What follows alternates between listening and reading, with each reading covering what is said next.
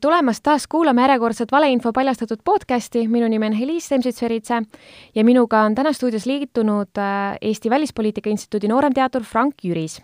tere, Frank! tervist! Äh, Frank äh, tegeleb igapäevaselt Hiina teemadega ja täna me oleme ka tulnud siia kokku, et rääkida Hiina mõjutustegevusest Eestis ja Euroopas laiemalt. aga Frank, enne kui me võib-olla teemade juurde kargame, siis äkki sa selgitad, kaua sa Hiinaga tegelenud oled ja kust sul selline huvi tuli üleüldse mm? -hmm no äh, Hiinaga ma hakkasin otsesemalt tegelema siis, kui ma Tallinna Ülikooli asusin õppima filosoofiat ja siis äh, lisaks õppisin ka hiina keelt. aasta oli siis kaks tuhat seitse. ja ma olen sellega juba päris pikka aega tegelenud, olen õppinud välismaal, äh, Taiwanil, olen omandanud magistrikraadi Vaikse ookeani, Aasia Vaikse ookeani regiooni uuringutes ja igapäevast leiba teenin siis praegu Eesti Välispoliitika Instituudis, kus, nagu te väga õigelt ütlesite, tegelengi Hiinaga seotud küsimustega. Eh, kuidas sulle tundub, kuna sa oled juba pikka aega tegelenud selle teemaga, siis eh, kas see Hiina huvi ja Hiina eh, teadlikkus on inimeste hulgas kasvanud, eestlaste seas kasvanud viimaste aastate vältel? Mhm. no Hiina huvi, ma arvan, on eestlastel olnud juba pikka aega, aga äh, Äh, võib-olla küll sellised poliitilised aspektid on äh, rohkem esile tõusnud äh, just praeguse USA presidendi valitsemise ajal, kus tema on väga tõsiselt siis või tõstatanud Hiinaga seotud küsimused.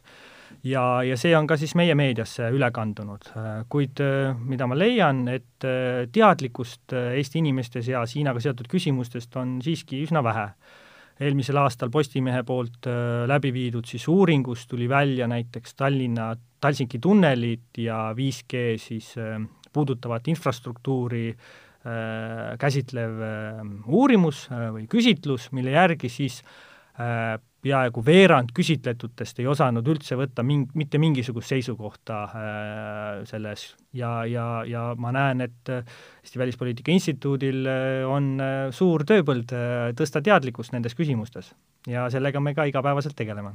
no siin võib-olla ongi siin nagu üldrahvalik küsimus, et äh, miks üleüldse peaks äh, tavaline inimene tänavalt midagi Talsingi tunneli kohta arvama mm? -hmm noh, sellepärast, et see otseselt puudutab meid ja meie regiooni, et äh, see ei, äh, see äh, või-, võimatu on mööda vaadata viieteistkümnest miljardist eurost, mis siis plaanitakse investeerida siia aga noh, väga õigelt, et iga inimene võiks mõelda selle peale, et kus, kuidas see nagu mõjutab meie regiooni ja mis kasud meil sellest on, et praegu, praegusest muljest on, praegu, praegune selline seisukoht või mulje on jäänud selline, et Hiina ettevõte finantseerib seda ja Hiina ettevõtted, riigiettevõtted rajavad seda, ehk siis Hiina jaoks win-win olukord, võimalik kaks korda teenida Äh, ühelt poolt siis laenuandjana ja teiselt poolt siis ehitajana. et äh, mis kasu sellest Eestis on, see on küsitav.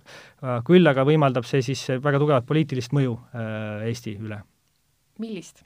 siin me hakkamegi jõudma selle meie mhm. tänase saate teema juurde, et mhm. millist mõju, et mm -hmm. Hiina teebki oma mõjutustegevust läbi äri tihtipeale mm. -hmm. sellest sa küll oma töös kirjutad natuke vähem, mida me siin puudutame ja, mm -hmm. ja selle podcast'iga koos avaldame mm, -hmm. aga, aga äri on see kõige tuntum mõju, millest me räägime, kui Hiina mõjutust üldse rääkida.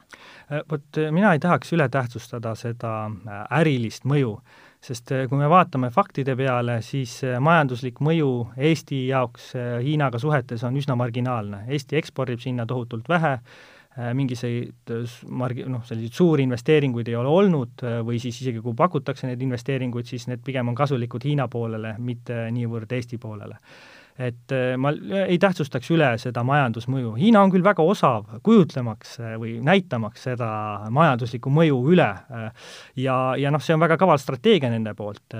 noh, ma toon näite, mm, väga pikka aega on siis Eestis räägitud sellist retoorikat, et Hiinaga tuleb pika aja jooksul luua sidemeid, tuleb investeerida aega ja kontakte selle nimel, et siis pääseda Hiina turule no äh, paljuski on Hiina turg jäänud suletuks äh, ettevõtetele, äh, mitte ainult Eestis, vaid ka Euroopas laiemalt.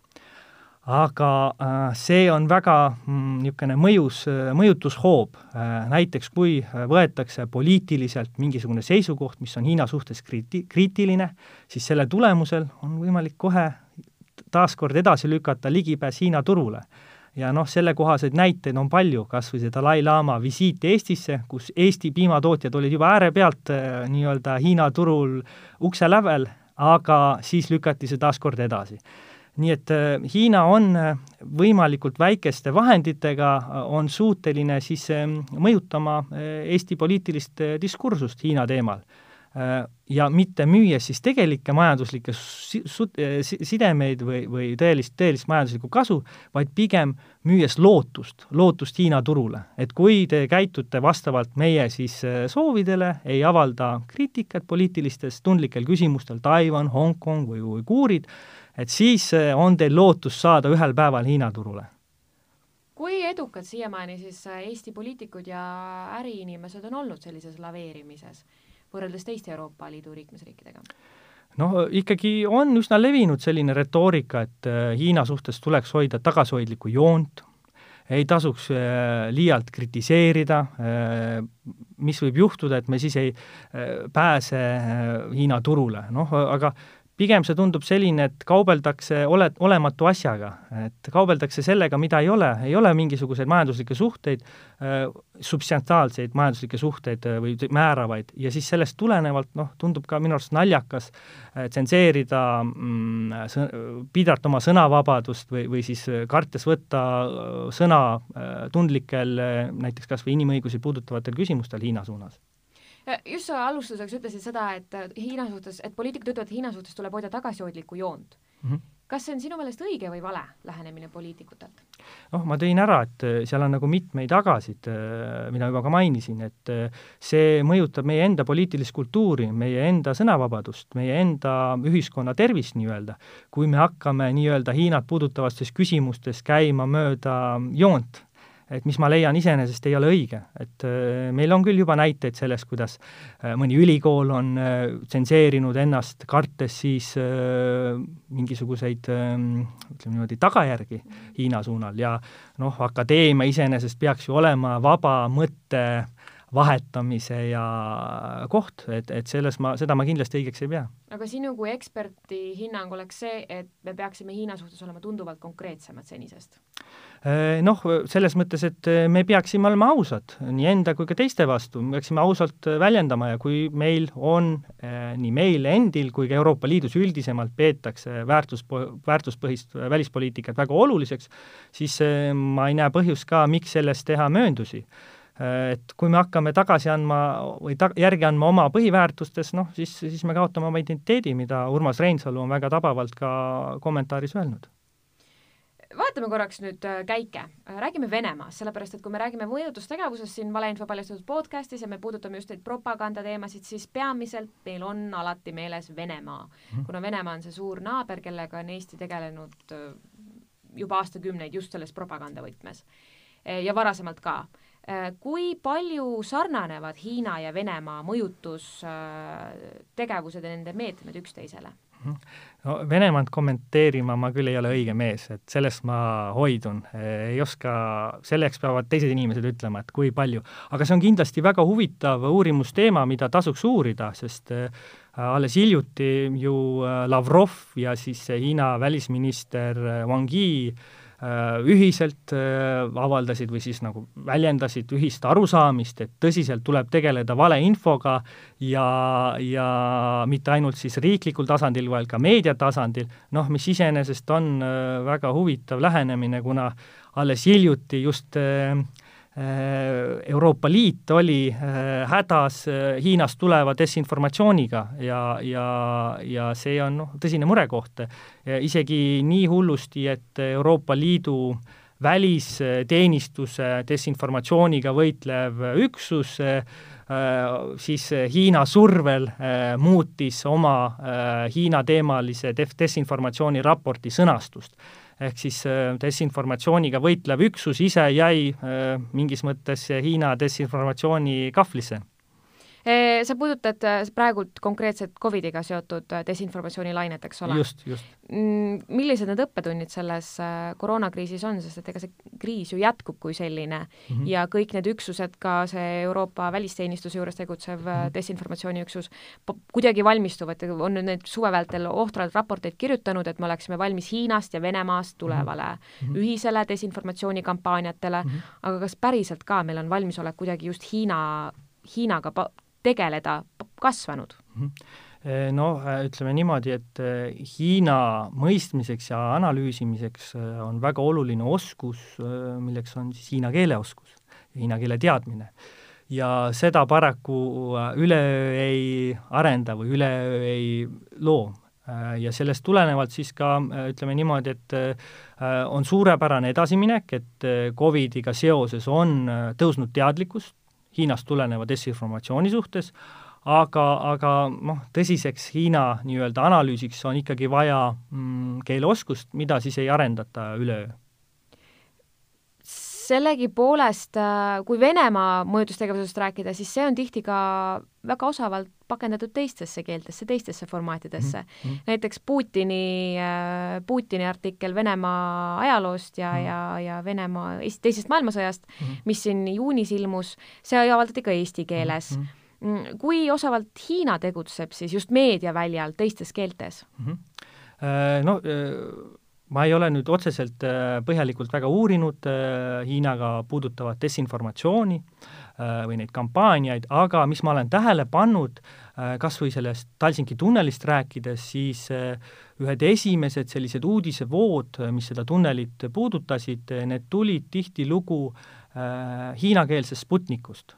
Et tõesti võib täheldada, et mingit moodi koostöö või mingisugust sellist ütleme niimoodi, info jagamist toimub, jah aga, aga põhjalikumalt seda tuleks siis nagu süviti uurida. aga mhm. Hiina desinformatsiooni koha pealt, see on laialt tuntud, on kaks sellist äh, üldisemat äh, tegutsemismoodust. Äh, üks on siis esitada Hiinas positiivne kuvand ja noh, seda äh, me väga hästi siin koroonakriisi ja maskidiplomaatia vormis ka nägime. Mm.. et äh, kui Hiina ise palus äh, Euroopa riikidel, kes annetasid kaitsevahendeid Hiinale kriisi alguses, mitte seda avalikult teadvustada, siis äh, me teame väga hästi, mida Hiina ise tegi, kui tema hakkas maskidiplomaatiat viljelema, siis tema seda kuulutas äh, võimalikult palju. ja äh, desinformatsiooni või siis niisugune propaganda puhul, Hiina puhul on veel teine oluline aspekt, see on igasuguse kriitika tasalülitamine ja, ja seda noh, tehakse üsna jõuliselt. selle kohta on näiteid palju ja noh, kas või siin teie käes laual olev Välisluureameti raport, mis siis äh, oli, äh, oli seal ka kriitikat Hiina suunal ja Hiina äh, siis suursaadik väga tugevalt siis resoluutselt ütles, et see tuleks ümber kirjutada, et see ei vasta tõele. väljendas no um-, umbkaudu niimoodi ennast. et noh, need on kaks sellist erinevat hooba, mida Hiina tavaliselt kasutab, kui me räägime Hiina, Hiinast ja desinformatsioonist. kumb siis Eestis praegu rohkem levinud on? Noh, see, kumb rohkem on, mm. seda peab statistiliselt uurima.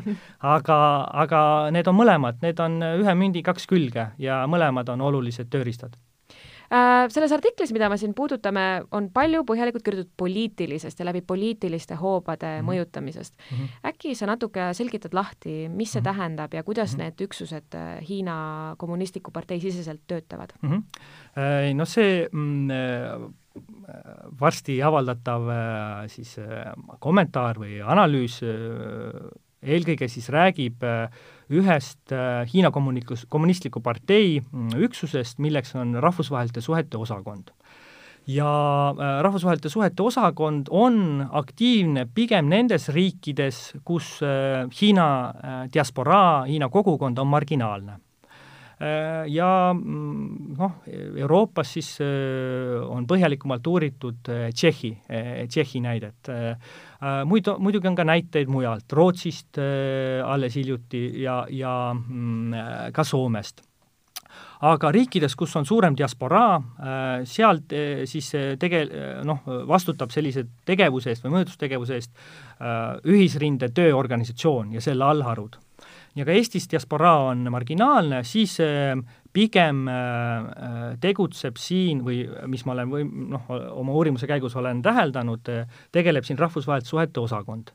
Ja rahvusvaheliste suhete osakond, noh, nende kontaktid välisriikidega äh, tihtilugu võivad tunduda äh, välisriigi ametnikele, poliitikutele äh, lihtsalt viisakusvisiitidena või viisakusavaldustena kuid kui vaadata siis ähm, rahvusvaheliste suhete osakonda puudutavat Hiina, hiinakeelset kirjandust, artikleid, siis nemad väga otseselt lahkavad oma mõjutustegevust ja nad lahkavad seda nelja haarde kaudu nendeks haareteks on siis poliitiliste parteide, kontaktide, uuringu ja kuvandi haare. noh, kuvandist me juba rääkisime, kuvand tähendab siis esitada Hiinast võimalikult hea positiivne kuvand.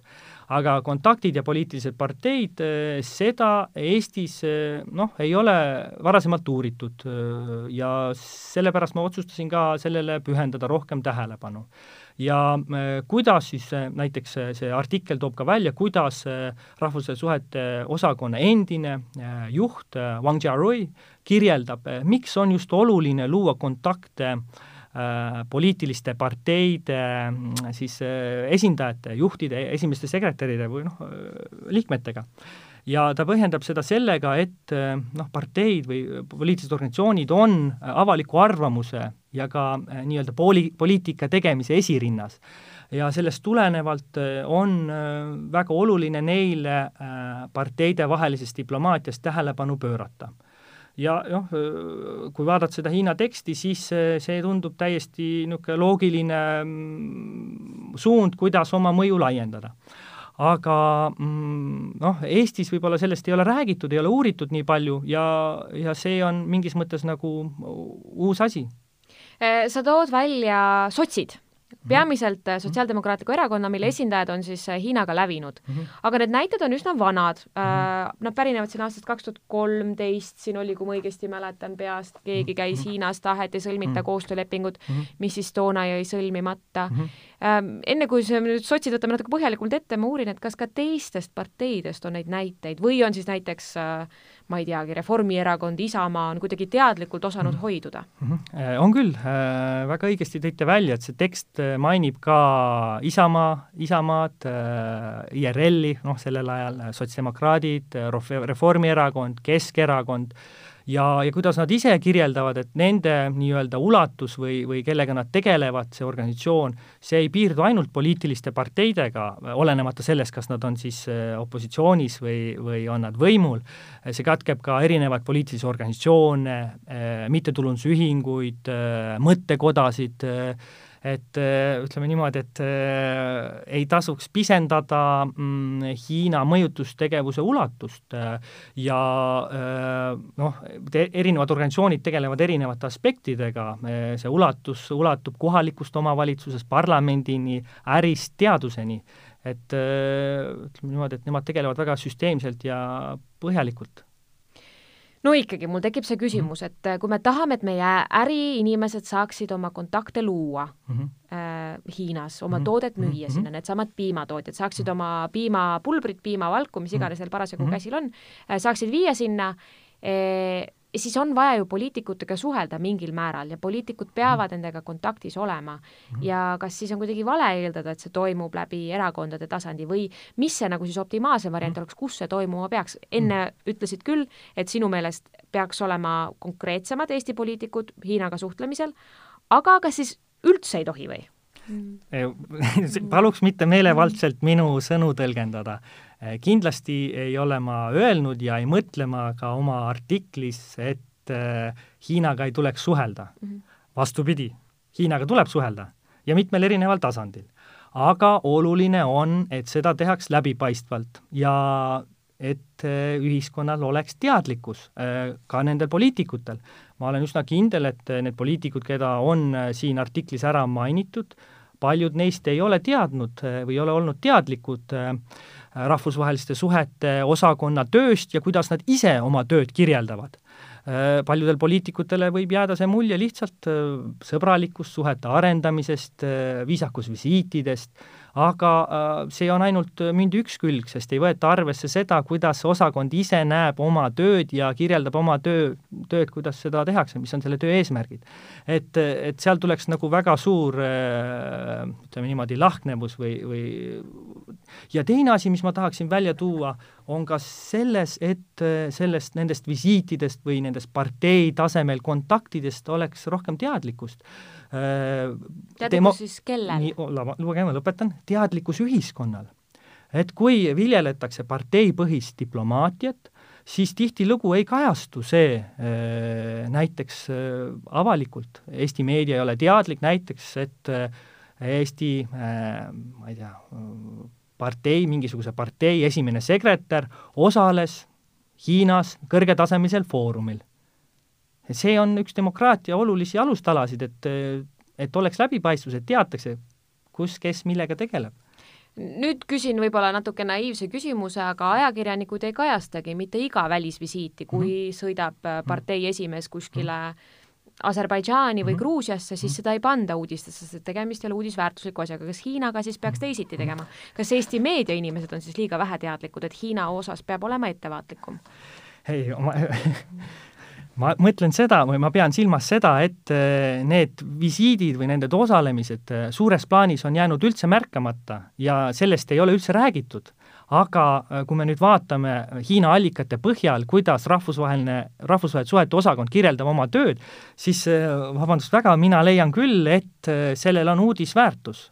noh, muidugi mõjutustegevust on väga raske mõista või väga, väga raske hinnata või määrata, noh, kui te küsiksite ühe poliitiku käest, keda siin on mainitud, et kas teid on Hiina poolt mõjutatud, noh, absoluutselt, iga poliitik vastab ei, mingit mõju ei ole olnud aga, aga, äh, oluline on teadvustada, kuidas Hiina suhtleb oma välispartneritega ja kui mitmel tasandil see suhtlus toimub ja kuidas Hiina ise kirjeldab oma suhtlust ja mis on selle eesmärgid.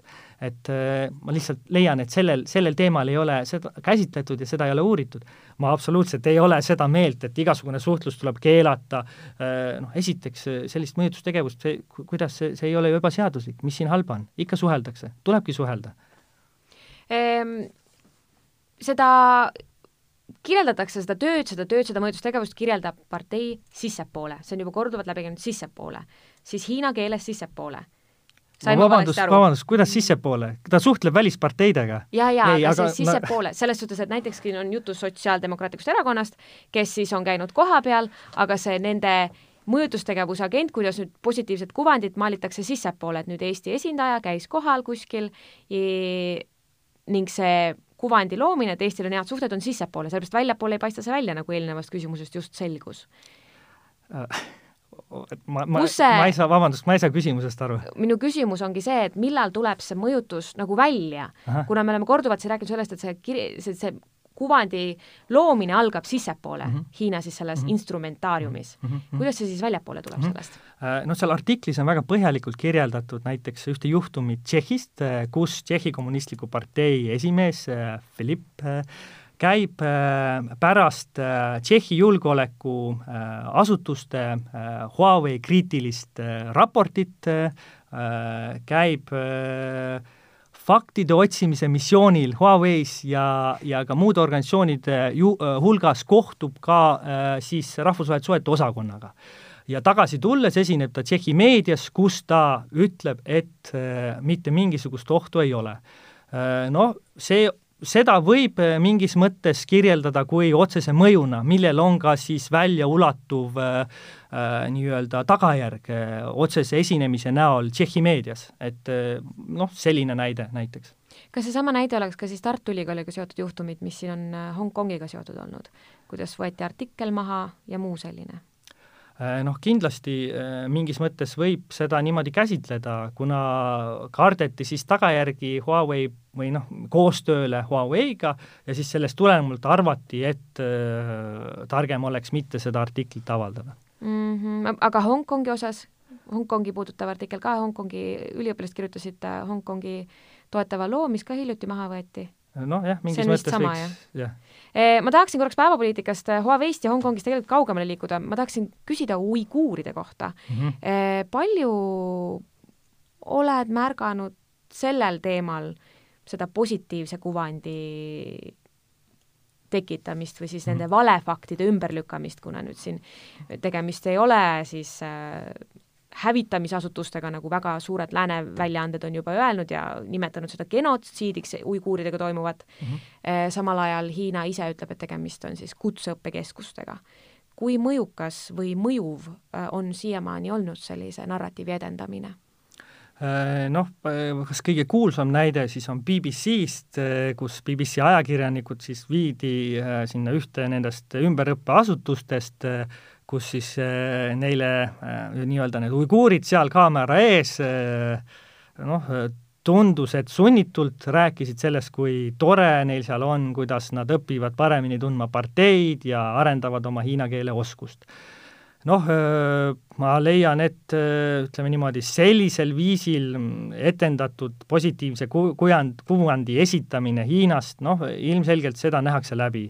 Ja ma tunnen, et seda on noh, läänes suures plaanis läbi hammustatud selline taktika aga noh, teine mündi külg siis igasuguse kriitika kahtluse alla seadmine, küsitavaks tegemine, noh, selle kohta on ka päris palju näiteid. Äh, noh, äh, minu enda üks lemmiknäiteid on see, kui üks siis äh, nii-öelda uurija, kes uurib äh,, kus kohas need äh, ümberõppeasutused täpselt paiknevad, kui ta Hiina ametnikuga siis kohtus äh,, ja äh, ta rääkis, et on olemas noh, hästi palju erinevates kohtades neid ümberõppeasutusi äh,, siis äh, noh, ütles, et mille põhjal te väidate ja noh, mingis mõttes on see õigustatud, sellepärast et tegelikult äh, erinevatel inimõigustega tegelevatel organisatsioonidel kui ka välismeedial on üsna piiratud või tähendab, täiesti piiratud ligipääs siis siin Xinjiangi, kus need uiguurid asuvad.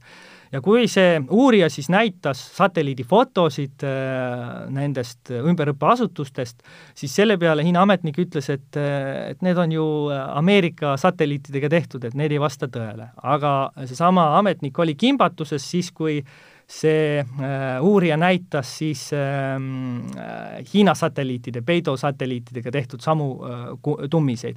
ja äh, just äh, selle uiguuride kajastamise puhul tegelikult äh, Hiina eksperdid või uigu-, uurijad äh, peavad olema väga, ütleme niimoodi, leidlikud uute meetodite leidmiseks, et kajastada ja tuua need faktid äh, siis äh, tõeval- äh,, noh, päevavalgele ja, ja eh, nende sama satelliidifotode põhjal eh, hiljem eh, siis teadlased avastasid, et need ümberõppeasutused on Peido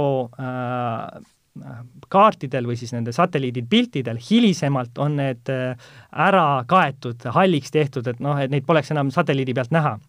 Ja siis tänu sellele meetodile, et nad avastasid, et on selline tendents neid halliks muuta, siis nad leidsid väga palju uusi ümberõppeasutusi, mida nad varem ei olnud suutelised kajastama nii et noh, mingis mõttes jah, nõuab see leidlikkust äh, niisuguste küsimustega tegelemine. aga taaskord tuleb äh, väga palju kasuks hiina keele oskus, näiteks massiline siis kampaania, kuidas siis, mille ühe osana ka steri-, steriliseeritakse uiguuri naisi, see oli, noh, see info tuli välja avalikest allikatest, meditsiinidokumentidest ja statistikast, millel hiina keelest oli väga suur, väga suur abi ikkagi, kas me nüüd võime oodata mingisugust äh, suuremat vastulööki ka siin eesti keeles, eestikeelses meediaruumis ja eestikeelses avalikkuses, kuna uiguuridest nüüd on viimasel ajal aina enam ja enam räägitud mm, -hmm. aga sellist otsest äh, ümberlükkavat narratiivi veel ei ole, nagu näiteks Hongkongi või Huawei puhul minu meelest on väga aktiivselt märgata olnud. kas seda võib ka uiguuride puhul oodata? Äh, missugust ümberlükkavat narratiivi te silmas peate? täpselt seda Hiina narratiivi, et tegemist on ümberõppeasutustega ja me ei tegele siin nende massilise hävitamisega. Äh, noh, alles hiljuti, kui ma ei eksi, kas see oli vist välisminister, kes ütles, et äh, või oli peaminister, ma täpselt ei mäleta, ütles, et kõik need inimesed, kes olid ümberõppeasutustes, et need on vabastatud noh, seda on ka väga raske kindlaks teha, kui äh, lääne või siis ütleme niimoodi, inimõigustega tegelevatel organisatsioonidel või meedial puudub ligipääs nendele ümber, ümber, ümberõppeasutustele. küll aga on täheldatud, et neid samu äh, uiguure siis kasutatakse sunnitöö vormis äh, siis erinevates laagrites Äh, mis äh, noh, taaskord on äh, tänu leidlikule uurivale ajakirjandusele leidnud ka kajastamist. näiteks on uuritud maske, maskikoode, tootekoodi ja sellega on siis jõutud järgi erinevate Hiina tehasteni, mis siis osalevad nii-öelda uiguuride ümberpaigutamise programmis, kus siis väidetavalt uiguurid saavad tehases töötada ja siis taaskord nende nii-öelda, see on nagu arengu, nende arenguga seotud nii-öelda projekt väidetavalt korduvalt on siin juba juttu olnud sellest, et äh, mõlemad pooled äh, peavad olema väga leidlikud, et Hiina on ka väga leidlik oma mõjutustöö läbiviimisel ja samal ajal ka siis näiteks uiguuri puudutava näidete puhul on, on, on olnud ajakirjanikud ja, ja, ja nii-öelda inimõiguslased väga leidlikud nende, nende probleemide, juhtumite paljastamisel mm. -hmm kui suur see teadlikkus üleüldse on Eestis ja Euroopas laiemalt, et Hiinaga tegeleda?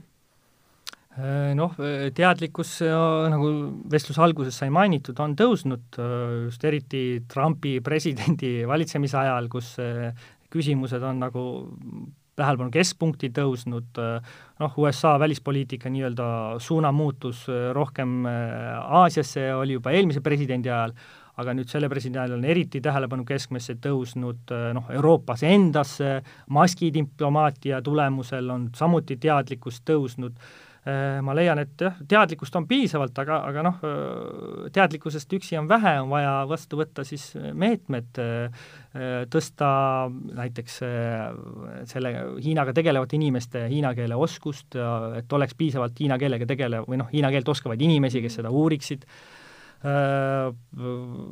noh, neid meetmeid, meetmeid on palju, mida tuleks noh, strateegiliselt, kuna Hiina tegeleb strateegiliselt väga plaani, plaanipäraselt, erinevad asutused, erinevad struktuurid tegelevad noh, ütleme niimoodi mõjutustööga, siis teadlikkusest üksi on kasu, see võimaldab siis kirjeldada probleemi, aga teadlikkusest üksi jääb väheks, on vaja astuda vastusamme Äh, ja, ja noh, selles, ütleme niimoodi, mm, selles ma näen, et seal ei ole väga suurt edasiminekut veel olnud. siin ma tahtsingi nagu laiendada seda võib-olla eelnevat minu küsimust, täpsustada mhm. pisut. Äh, Eesti üksinda on väga väike.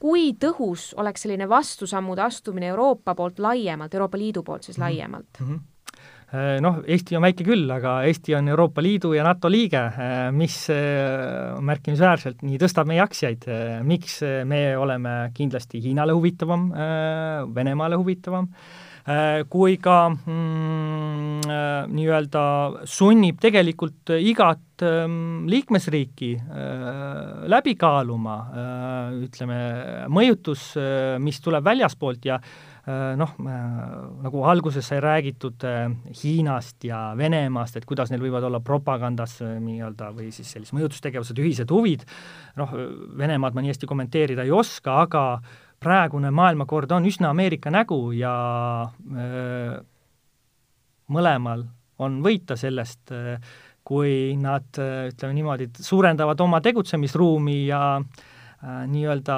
mm, lõhuvad selle maailmakorra nii-öelda tugitalasid, et äh, noh, neil on vastastikust sarnased huvid ja, ja noh, ma näen, et äh, sellest, selle teadvustamine äh, äh, ja selle vastu tegutsemine on kindlasti nii Eesti, Euroopa Liidu kui ka Ameerika huvides mis see tähendab äh, nüüd saate lõpetuseks, lähme korraks sellise tagasi sellele kitsale tavalisele inimesele tänavalt tasandile, kust me alustasime Tallinski või Talsinki tunneli puhul mm,.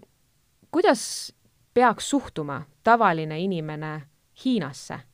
kas Hiinasse reisida tohib, TikTok'i tohib tarvitada, millised need äh, peamised äh, küsimused on, mida ta peaks iseenda peas küsima mm? -hmm noh, eh, mina küll kindlasti ei taha mingisuguseid eh, nii-öelda moraalijuhiseid lugeda Eesti inimestele, kuidas nad peaksid käituma või mida mõtlema, noh, ma, ma arvan, et eh, demokraatlikes ühiskondades asjad niimoodi ei käi, aga noh, ma soovitan inimestel mõelda, süveneda rohkem äh, mm, nii-öelda Hiinaga puudutavatesse küsimustesse ja äh, vanemal generatsioonil on äh, Nõukogude Liidu kogemus ja oskus lugeda ridade vahelt, äh, mis nooremal generatsioonil, kuna seda meedia üleküllust ja, ja ühesõnaga tähelepanu on nii palju hajutatud, võib-olla hakkab kaduma minema. aga, aga soovitan süveneda. aitäh stuudiosse tulemast Aitäh. ja kohtumiseni järgmisel korral!